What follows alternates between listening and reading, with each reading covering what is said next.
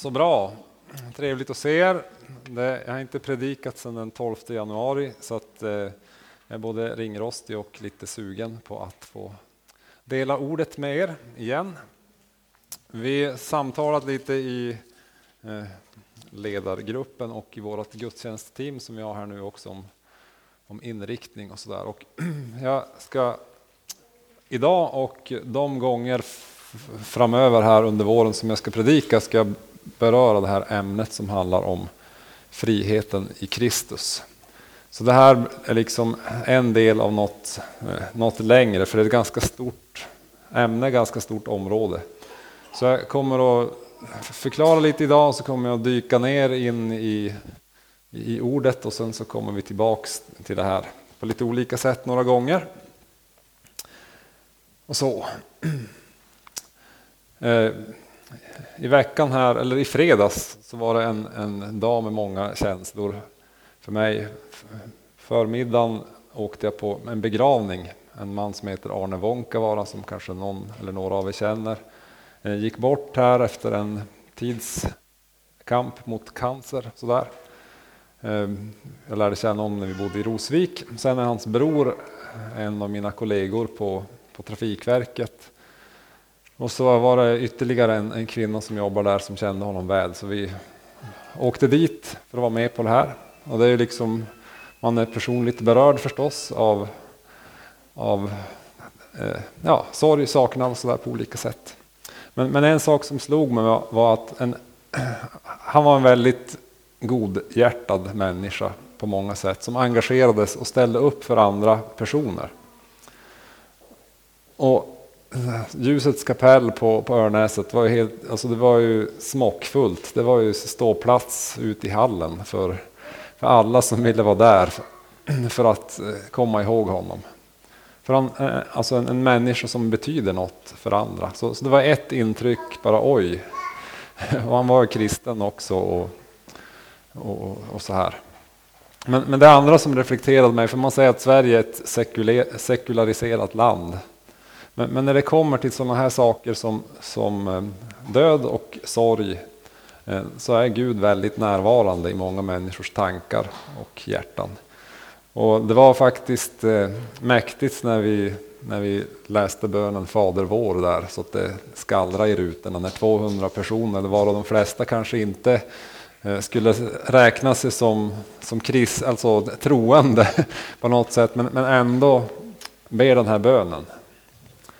Så, så det jag skulle vilja säga, säga där är att Gud är inte så långt bort för människor som man skulle kunna tro. Och det var nog det starkaste trots att jag då var på, på Luleå Hockey på kvällen och såg på Linus eh, Omark premiär tillsammans med, med David. Och trots våra förböner så förlorade Luleå matchen. men, men det var ju också en, en, en upplevelse liksom, ja, av en lite an, annat sätt. Och det, det är ju mäktigt när många människor är på samma, samma plats och liksom eh, applåderar och visar sina känslor åt det hållet också. Så det var både glädje och sorg på, på en dag. så här. Jag ska tala om idag är något som, det här med friheten i Kristus, det är något som är väldigt självupplevt för mig. Jag, som ni vet, uppvuxen i ett kristet hem, så Jesus har alltid varit närvarande i mitt liv på ett eller annat sätt. Eh, jag hade en, vad man skulle kunna kalla en frälsningsupplevelse när jag var i tioårsåldern, när jag tydligt bestämde mig för att jag vill, jag vill vara en kristen, jag tror på det här. Sen har jag vuxit upp, tonår, allting och så. Och sen eh, var allt bra ända till, tills jag träffade Therese. alltså det, hon har gett mig väldigt många saker i mitt liv, men, men just när, när, vi, när vi möttes och började umgås så, så kom det upp saker till ytan i mitt liv som jag inte visste fanns där. Och som, som, som blev tydliga av och det jag skulle vilja kalla för bindningar eller ja, eh, ja, en del sådana här saker. Eh, några saker som man liksom kan, när man är ensam så kan man hålla det helt eh, gömt eller under kontroll. Men i en nära relation med en annan människa så, så kommer det upp till ytan. Och en sak var att jag, det här med beröring var något som var jättejobbigt för mig. Att någon annan person liksom tog i mig. Det har jag alltid tyckt varit jobbigt, men har aldrig reflekterat över det som ett problem förrän liksom när man ska... ja, ni förstår. Eh, så det, det dök upp där då. Sen jag, som barn var jag fruktansvärt mörkrädd. Och de där, den där känslan kan ibland komma tillbaks eh, fortfarande. Men det är sådana här saker då som, som jag bearbetat på olika sätt. En annan sak är att jag, när vi, vi åkte till USA 94, jag och Therese, och var tvungna att nödlanda med ett flygplan. Jag har nog berättat den storyn för, för en del, men väldigt kort så, det som hände var att när vi hade åkt ut över Atlanten så säger piloten att vi har problem med motorerna så att eh, vi måste stänga ner och, och nödlanda. Så vi gick ner där utan motorer, alldeles tyst. Och man hinner be väldigt mycket på några minuter Eh, och tänka igenom sitt liv och allt det där. Och mitt i det så, så ja, så, så hände det inte så mycket. Och sen var det jättejobbigt att sitta och vänta på flyg och plan och allt sådär och komma hem och vi var 24 timmar försenade och sådär. Och Therese var gravid och mådde dåligt så det var liksom en jobbig upplevelse. Men sen efteråt, så ett par månader senare när jag skulle flyga igen, då kom den här fruktan. Alltså utifrån den här upplevelsen. Och jag, nu, nu nämner jag tre olika saker och jag kommer att beröra dem på lite olika sätt under de här eh, predikningarna. Men det som, det som berör här idag, det handlar om det här med, med beröringsgrejerna. Och eh, jag ska inte gå in i detalj på det, men, men det handlar om saker som, som, som jag var tvungen att förlåta. Alltså inga stora saker. Eh, inga, inga sådana här jättehemska saker, men, men eh, saker som jag var tvungen att eh, förlåta människor omkring mig som, som hade gjort att det hade låst sig på det här området. Och det var först liksom när jag och Therese pratade om det här och bad i det här och jag liksom kunde uttala förlåtelse till några personer som, som det här släppte. Och som, som jag kände att jag blev fri. Och ibland så har känslorna kunnat komma tillbaks men då har jag också kunnat påminna mig om att ja, jag, jag är fri för att jag kunde förlåta. Så vi ska komma in på förlåtelsen här alldeles strax idag. Många människor, även kristna, kämpar med sådana här saker. Alltså att man är bunden på något område. Man kämpar med bitterhet utifrån vad andra människor har gjort med en.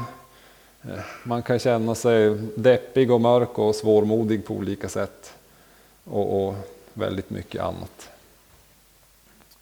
Eh, jag hade ett samtal med en person den här veckan, ingen i församlingen, ingen som jag tror någon av er känner, eh, som har gått igenom en skilsmässa där den andra partnern var, var otrogen.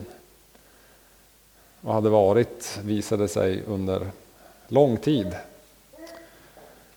Och eh, ja, vi resonerade och det har ju gått en, en par år här och resonerade och jag frågade den här personen, men kan, kan du förlåta? Och eh, efter en stunds betänketid och lite samtal om vad förlåtelse egentligen är så, så sa hon att jo men jag, jag kan nog förlåta honom. Och det, det är ju på något sätt det är det här handlar om som vi ska tala om idag. Men det, det kan också vara andra saker som, som vi, vi kämpar med. Att inte våga öppna sig, för sin partner eller för, för människor nära inpå. Eh, okontrollerad ilska, tvångsbeteenden, förkastelse, mindervärdeskomplex. Att man tror att man ska dö eller ska få någon sjukdom eller att någon närstående ska göra det. Det kan vara svårighet att lita på andra människor eftersom, efter att man har blivit sviken och sådana saker. Så det, det är en mängd olika grejer. Jag förstår att när, ni, när du hör det här så, så tänker du kanske, men vad är det här nu, Dr. Phil light med, med, med Rickard där framme. Och det, här, det, det kan låta så. Men, men det här är faktiskt något som är, som är djupare. För det handlar om att Jesus kan göra oss fria. Att tron på Jesus, tron på vad Jesus har gjort på korset kan, kan, kan göra mig fri. Att de här bojorna till alla de här sakerna kan göra mig fri så att jag kan leva ett, det liv som, som Gud har tänkt och vill att jag ska leva. Jag har eh, två bilder. En del kanske känner igen, jag har använt det här eh, tidigare, men jag tror att senaste gången var 2007 så det kan ju vara bra med en påminnelse. Det är en text i Jeremia 17, vers 5 till 8. Och det är en, en bild som Jeremia målar upp här. Så säger Herren, förbannad är den man som förtröstar på människor och söker sin styrka i det som är kött och vars hjärta vänder sig bort från Herren. Han är som en torr buske på heden och får inte se något gott komma. Han måste bo på för, förbrända platser i öknen, i ett land med salthedar där ingen vistas. Men välsignad är en man som förtröstar på Herren, den som har Herren till sin förtröstan. Han är som ett träd planterad vid vatten och som sträcker ut sina rötter till bäcken. Det fruktar inte om hetta kommer, dess löv är alltid gröna. Det blir inte förskräckt om ett torrt år kommer och det upphör aldrig att bära frukt. Det är alltså två, två träd, en torr buske i öknen och ett grönskande träd vid, vid vattnet. Och för att ge en liten så här förklarings... Ska vi se om det här fungerar. Jo, här kommer det.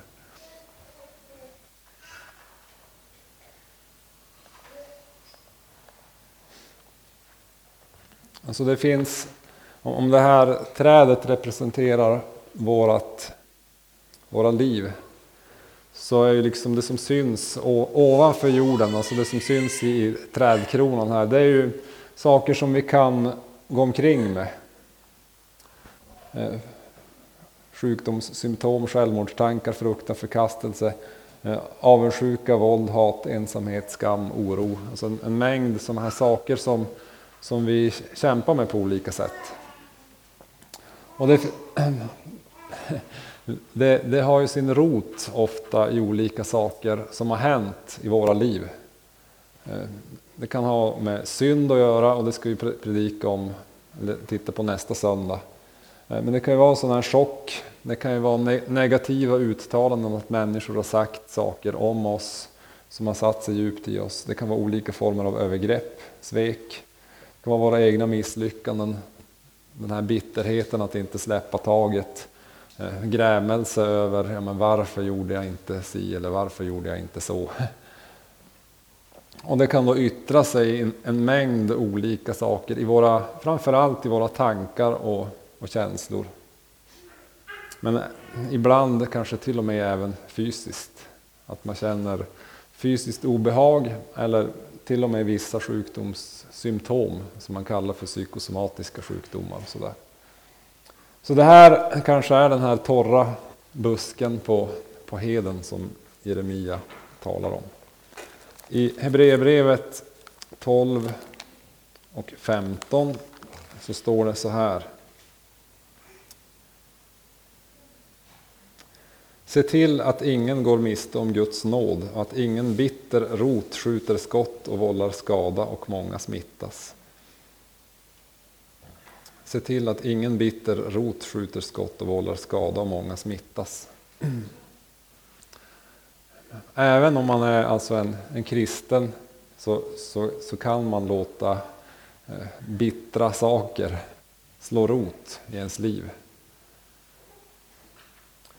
Och eh, om man låter de här rötterna finnas kvar så förr eller senare så, så kommer det att bära frukt i ens liv på ett eller annat sätt. Och det, det som är eh, grejen här är att det, det, är väldigt svårt att bearbeta de här rötterna på egen hand. Alltså det finns ju saker som är allmängiltiga och en av de sakerna som vi ska tala om lite mer idag är det här med förlåtelse. Alltså det, det, det, det, handlar om, det tror jag är en princip som Gud har, gett oss som, som gäller för alla människor oavsett om man egentligen är troende eller inte. Alltså att när, när vi förlåter, när vi ger någon något eh, tillbaks, när, när vi ger dem friheten så händer det något i oss också. Men, men eh, det handlar om, om korset, om Guds nåd. Se till att ingen går miste om Guds nåd, att ingen bitter rot skjuter skott och vållar skada och många smittas.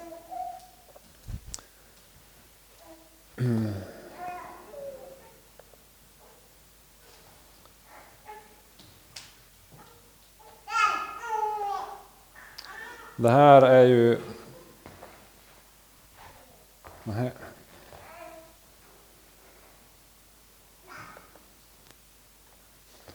Det här är ju det, det andra trädet. Kärlek, glädje, frid, tålamod, vänlighet, godhet, trohet och mildhet, självbehärskning. Ni som har läst Bibeln känner igen det här som Andens frukter från Galaterbrevet, från femte kapitlet. Och det, det är ju sånt som, som eh, händer alltså när vi har andra rötter i våra liv. När, när våra rötter är förankrade i Guds ord i en sund församlingsgemenskap, eh, nattvard, bön, anden, alltså livet med Gud. Det ger andra, andra frukter i, i trädet. Eh, nu är det här två träd och eller den som har skrivit Hebreerbrevet säger att låt ingen bitter rot skjuta skott ibland. Och eh, Eh, vi kan ju ha ibland lite så här blandade, blandad frukt i våra träd. Och, och ofta så när, när, man möter människor som man märker att här är det lite blandad frukt. Så, så beror det ofta på att det är någon rot som, eh, som är bitter, som, som man inte har gjort upp med. Eller låtit Gud rycka upp. Och det, det är det vi ska tala lite grann om om här idag.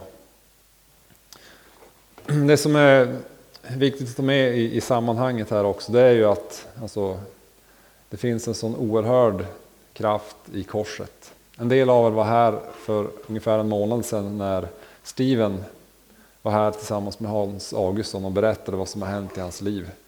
Alltså Steven är ju en person eh, som, ja, Eh, han var missbrukare i princip allt man kan komma på.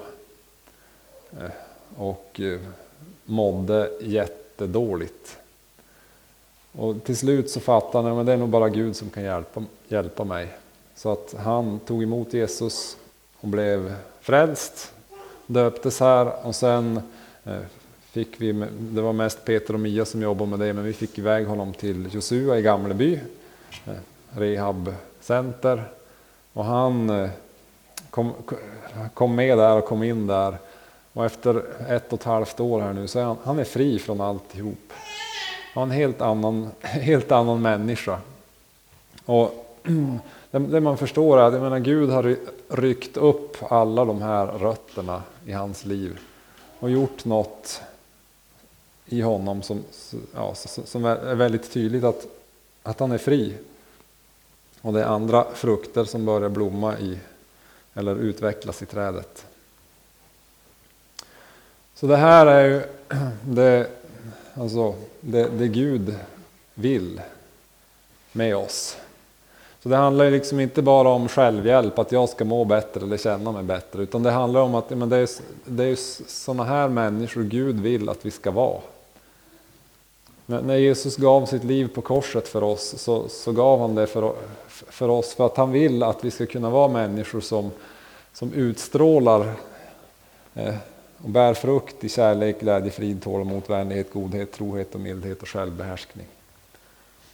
Och tänk om alla människor i världen faktiskt var sådana. Tänk om alla kristna var sådana till att börja med. Det skulle vara fantastiskt. om, om vi verkligen lät det här få, få, få bära frukt i våra liv. Ännu mer fantastiskt om, om, om ännu fler människor var sådana. För att göra bilden hel innan jag ska läsa nästa bibeltext så vill jag bara visa den här också om med korset. För det, vi ska gå in tydligare och tala om texten om korset nästa söndag. Men, men det är där, det är på grund av vad Jesus har gjort för oss som, som vi kan säga att vi är frälsta eller räddade.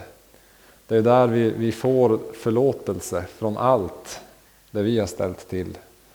Det är på grund av korset som det finns helande, upprättelse, befrielse, nåd, välsignelse, rättfärdighet. Det är på grund av korset som, som Steven kan, kunde stå här för någon vecka sedan och berätta om att han lever ett helt nytt liv.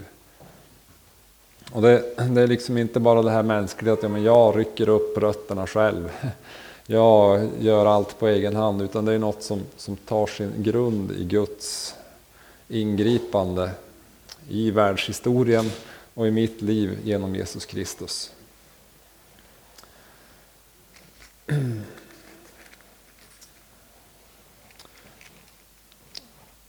Johannes säger i sitt evangelium, den som sonen gör fri, han blir verkligen fri. Den som sonen gör fri, han blir verkligen fri. Och Paulus skriver så här i andra Korinthierbrevet 10. Ty även om vi lever här i världen strider vi inte på världens sätt. De vapen vi strider med är inte svaga utan har makt inför Gud att bryta ner fästen. Ja, vi bryter ner tankebyggnader och allt högt som reser sig upp mot kunskapen om Gud. Och vi gör varje tanke till en lydig fånge hos Kristus. Många av de här sakerna som, som jag berättar om, så flygrädsla, eh, eh, beröringsskräck eller vad man ska säga. Tankar på att, för jag gick med sådana tankar i flera år också, att jag kommer att få någon sjukdom och dö innan jag är 50 år. Liksom. Helt eh, ogrundade tankar, men någonstans kommer de ifrån. Och det är ofta så är det våran fiende som vill plantera de här tankarna just för att begränsa våra liv. Så att vi inte ska vara de här människorna som bär frukt och kan förmedla och göra det Gud har tänkt. Utan eh, ondskan i världen vill tvinga oss till den där platsen där vi är en torr buske i öknen. Som inte kan vara till välsignelse för någon.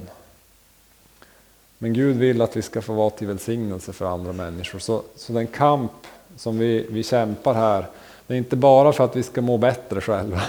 Men, men det, är, det är för att vi ska må bättre själva förstås. Men det är också för att våra liv ska kunna få betyda något för andra människor.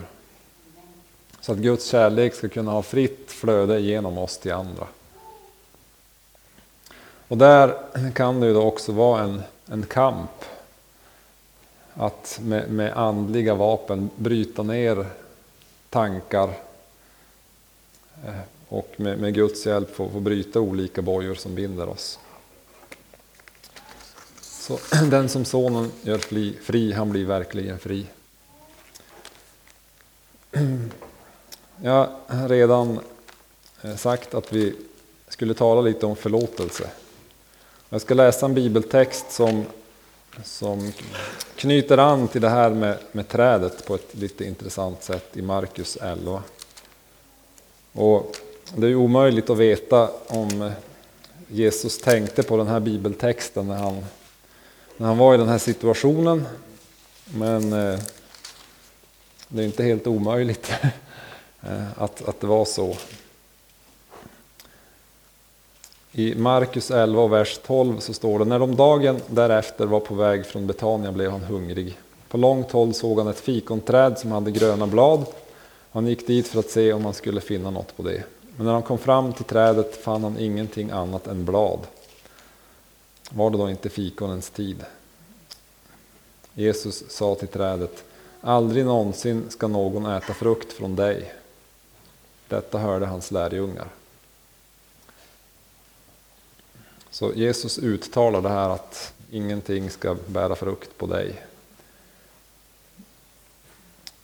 Vers 20. När de tidigt på morgonen gick förbi fikonträdet såg de att det hade torkat nerifrån roten.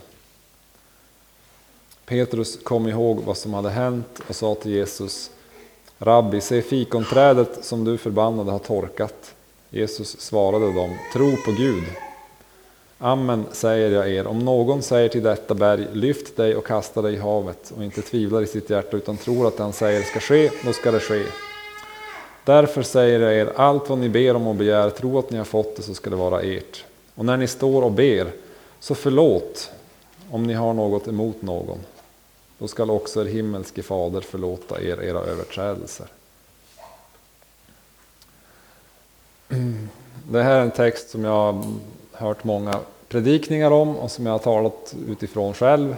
Som jag har läst jättemånga gånger. Och det är ju liksom, eh, ja men, säg till detta berg, häv dig upp och kasta dig i havet.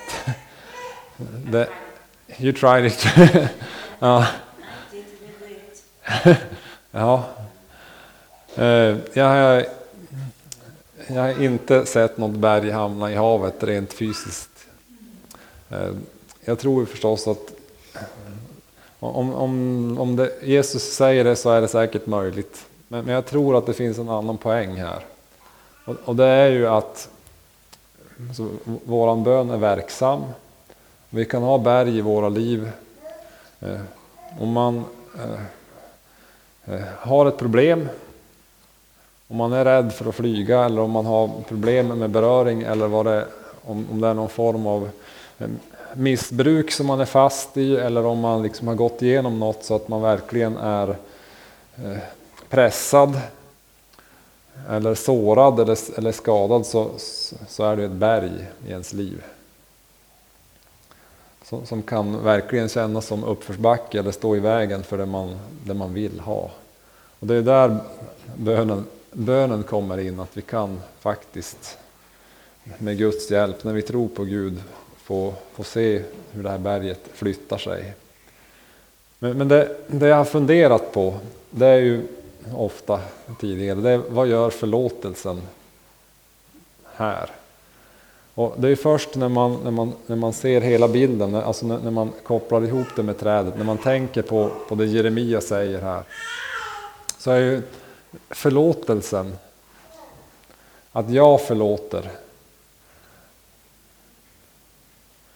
När ni står och ber, så förlåt om ni har något emot någon. Då ska också er himmelske fader förlåta er era överträdelser. Så förlåtelse, att jag förlåter en annan person, det är dörren som jag bara kan öppna från insidan. För att Gud ska kunna komma med sin förlåtelse in i mitt liv. Så, så länge jag har dörren stängd till det här rummet. Så länge jag stänger dörren för eh, ja, saker som, som andra människor har gjort mot mig.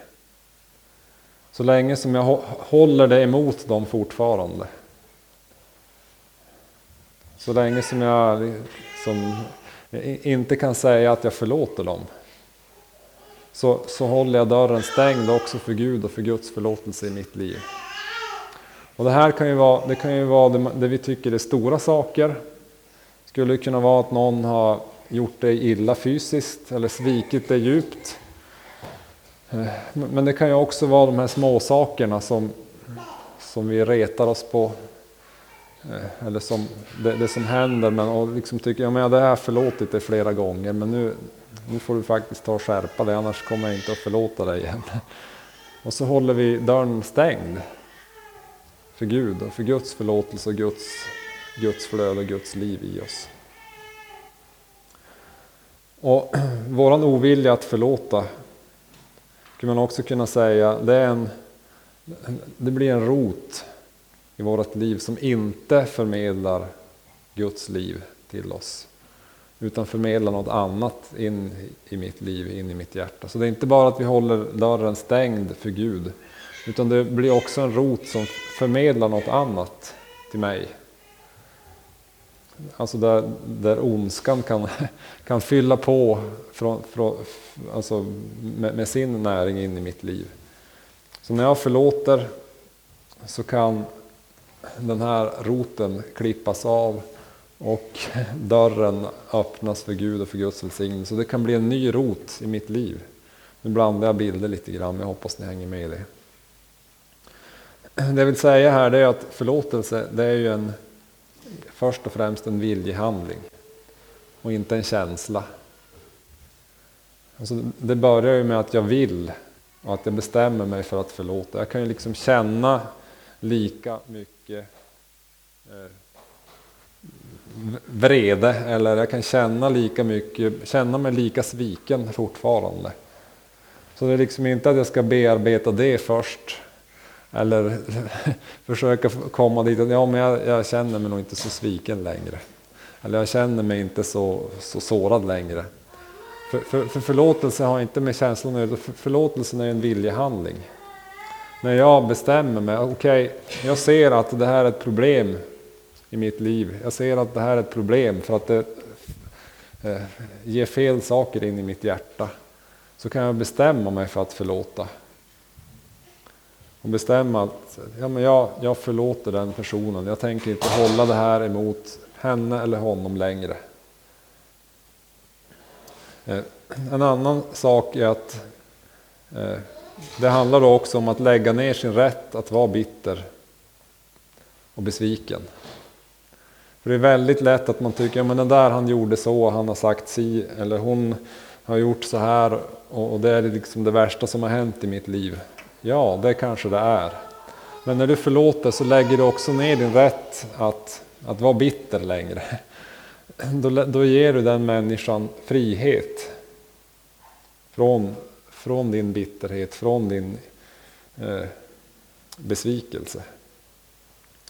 Även om det tar jättelång tid att bygga upp förtroendet igen.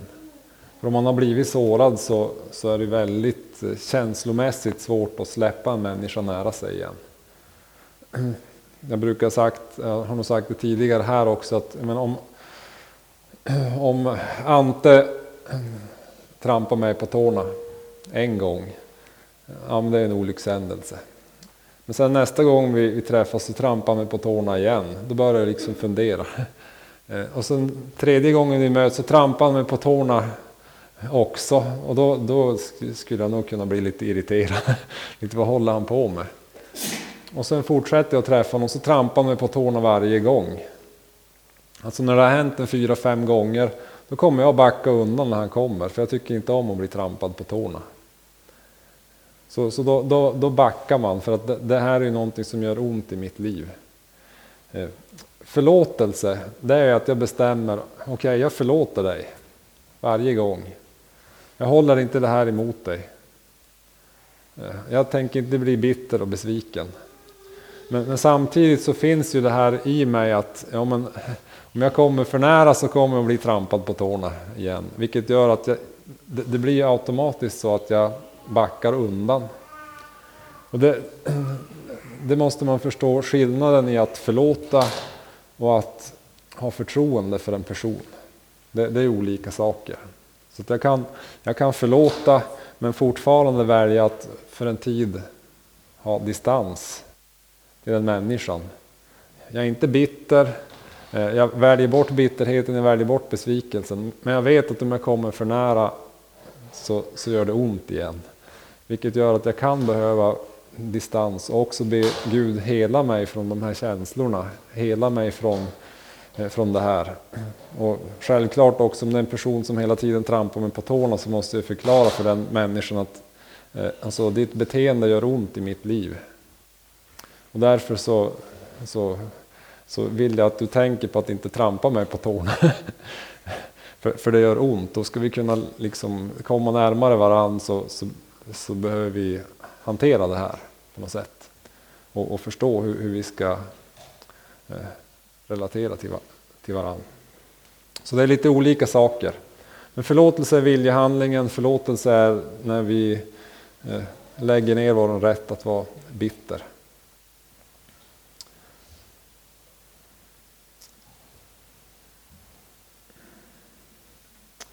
Eh, I bönen Fader vår så läser vi att vi ska så här, så som och vi förlåter dem oss skyldiga äro.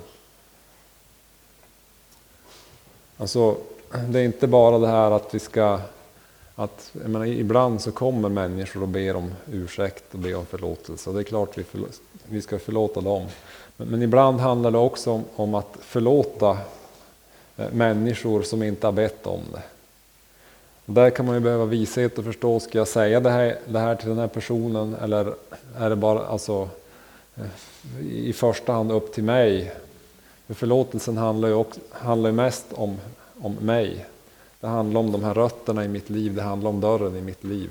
Att kunna säga, ja men jag förlåter den personen för vad han eller hon har gjort mot mig. Ibland om man, läser, om man läser den här texten så kan man få för sig att det här handlar om människor med väldigt stark tro. Tro på Gud. Ja, självklart ska vi tro på Gud. Men, men en del kan ju få för sig att jag måste liksom ha en starkare tro först för att kunna förlåta. Och eh, jag skulle nog vilja komma tillbaks till det här att det handlar faktiskt inte om mer eller mindre tro. Utan det handlar om en, en lydnadshandling. Att jag faktiskt bestämmer mig för att förlåta. För att på det sättet kunna ta emot Guds förlåtelse. Självklart om vi ska be så behöver vi tro på Gud och tro att han finns. Och så, men det handlar inte om mer eller mindre eller starkare eller svagare tro i sammanhanget. Så För att komma tillbaks till mig själv.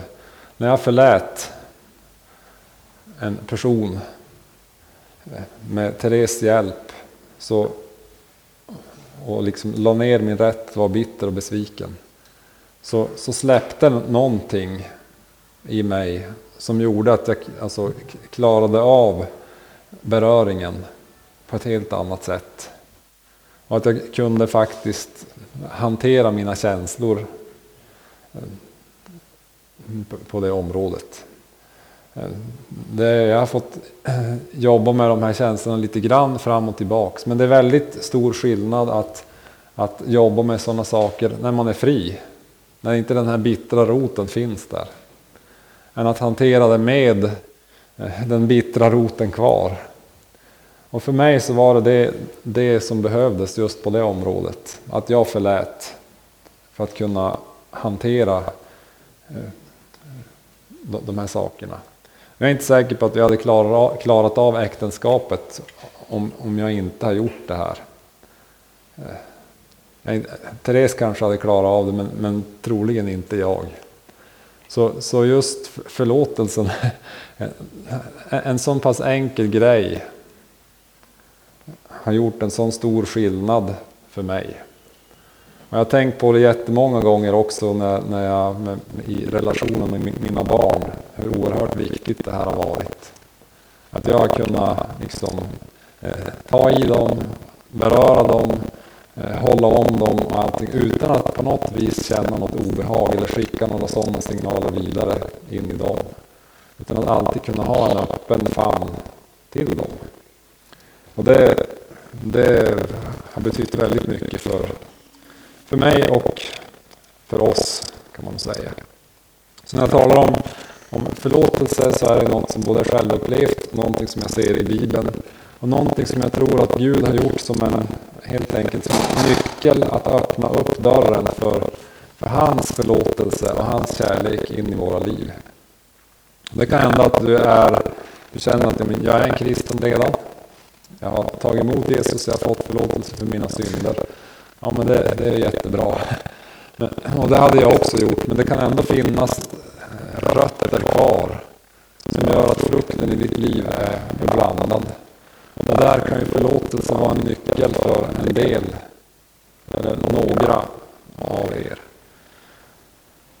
Och eh, Guds tanke är att vi ska få leva ett liv där vi är, där vi är fria.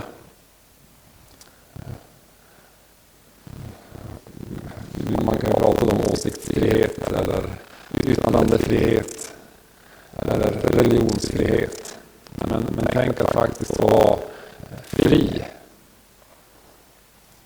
från de här mörka tankarna, från den här bitterheten, från allt det här. Helt fri att kunna älska, fri att vara glad, fri att kunna förlåta, fri att ha tålamod, fri att ha allt det här som, som Bibeln talar om.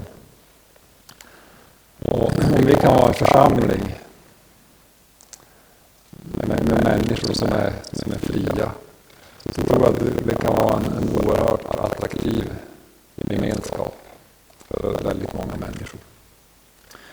Vi ska gå in i en avslutning här och jag tänker inte kalla fram människor för förbön här till att börja med. Det är möjligt att vi kan be för människor sen, om en liten stund. Men, men jag tänkte att vi ska ta en, en stund där vi får, där du får tänka, alltså den här förkunnelsen kanske har väckt tankar i ditt liv.